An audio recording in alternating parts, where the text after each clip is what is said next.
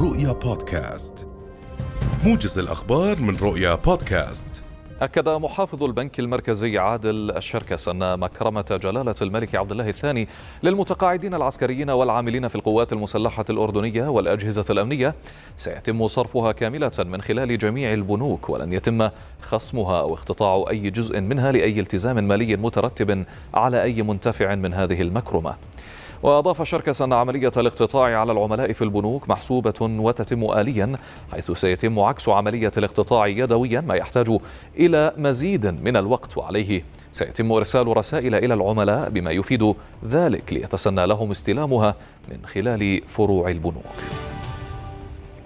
وفي سياق متصل قال الناطق باسم المؤسسة العامة للضمان الاجتماعي شامان المجالي قال إن المكرمة الملكية التي وجه بصرفها جلالة الملك عبد الله الثاني ستحول إلى الحسابات البنكية يوم الأحد المقبل.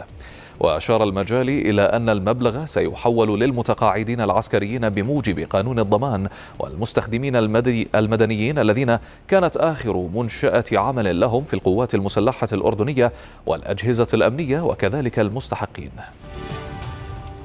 أظهرت بيانات وزارة الصحة حول وباء كورونا ارتفاع عدد إصابات كورونا النشطة في الأردن إلى 196165 حالة حتى صباح هذا اليوم.